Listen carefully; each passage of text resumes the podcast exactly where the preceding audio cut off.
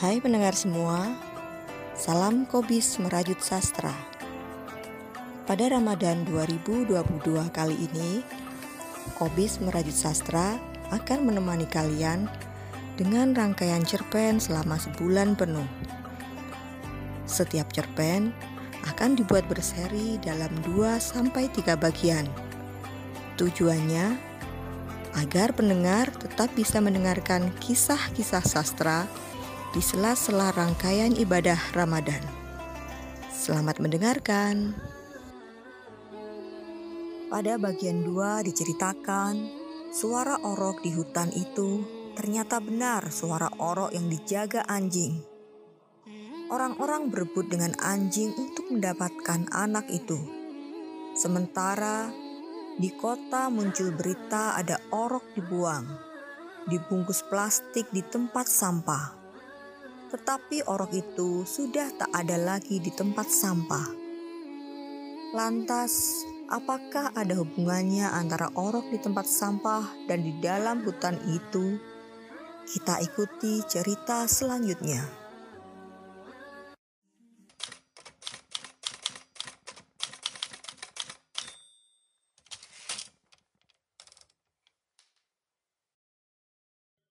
Orok yang dijaga kawanan anjing.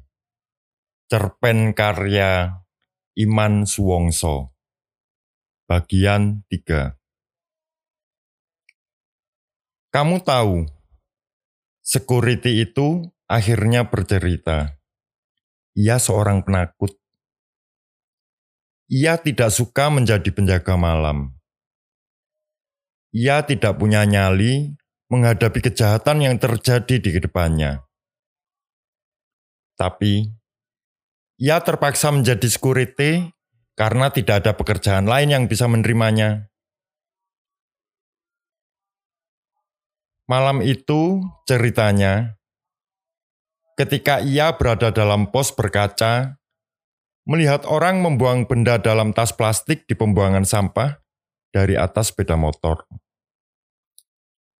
Pembuang itu pergi dengan kecepatan tinggi. Setelah suara motor itu lenyap, terdengar suara tangis bayi. Karena takut, ia mematikan lampu dalam pos. Tidak berjarak lama, ada seorang pengendara motor lain berhenti. Ia turun dari motornya dan beberapa kali memotret bungkusan itu. Pemotret bungkusan juga segera meninggalkan tempat pembuangan sampah. Tidak berjarak lama setelah pemotret itu pergi, anjing menyala di tempat sampah. Ada sekawanan anjing. Jumlahnya tak kurang dari lima ekor. Seekor di antaranya menggigit tangkai tas plastik. Isinya bergelantungan, hampir terseret di tanah. Anjing pembawa tas plastik berjalan paling depan. Anjing-anjing lainnya mengikuti di belakangnya. Mereka berjalan beriringan di tengah malam dan lenyap di telan gelap ujung jalan. Saya baru tahu kalau dalam tas plastik itu berisi orok ketika keesokannya beberapa polisi datang ke pembuangan sampah. Seandainya malam itu saya tahu itu orok, mungkin saya lari pulang tak kembali. Saya membayangkan ketakutan saya malam itu. Security mengakhiri ceritanya. Kemplung, kata tukang warung. Sore hari, penulis berita mengejar kabar samar dari pinggir hutan. Ia ingin tahu kepastian cerita yang mirip bisik tentang tas plastik coklat, orok, dan sekawanan anjing. Ia sampai di kampung pinggir hutan ketika orang-orang sedang berkerumun di depan pos kamling. Mereka sedang membicarakan suara lolongan anjing dari arah hutan. Mereka merasa aneh karena suara itu terdengar di sore hari.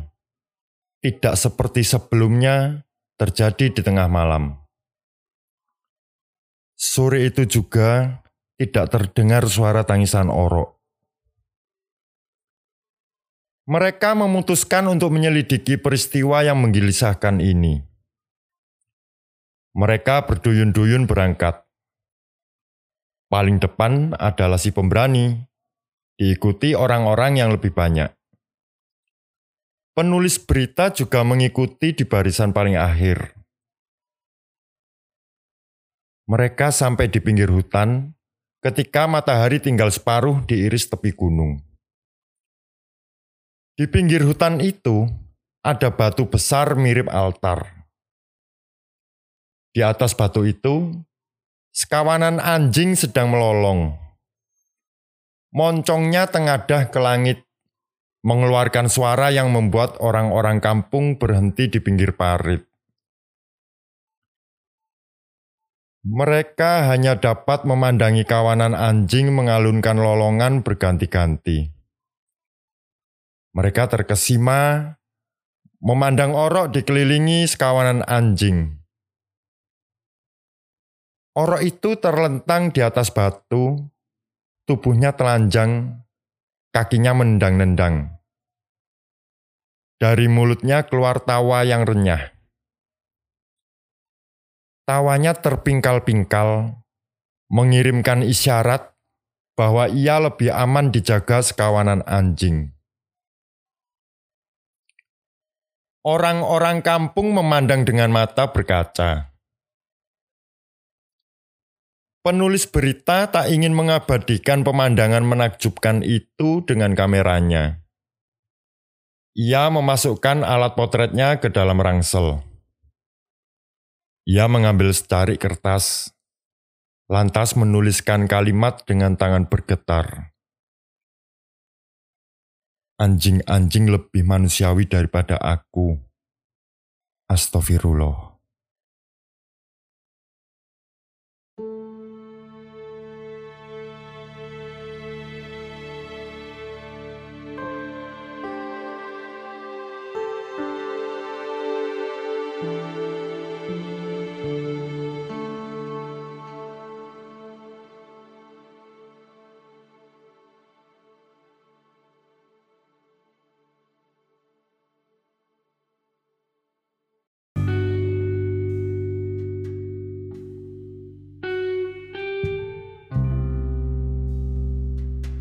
Hai kawan-kawan, era digital telah berkembang pesat, mengisi seluruh sudut kehidupan kita. Podcast menjadi salah satu produk digital yang kini terus berkembang. Tak sekedar menjadi ruang dokumentasi, tetapi juga menjadi ruang interaksi publik. Bagi kawan-kawan yang ingin mempublikasikan karya podcastnya, Anchor pilihannya. Kenapa harus Anchor? Karena mudah menggunakannya dan bisa mengupload dari mana saja. Anchor bisa di-download di App Store dan Play Store secara gratis.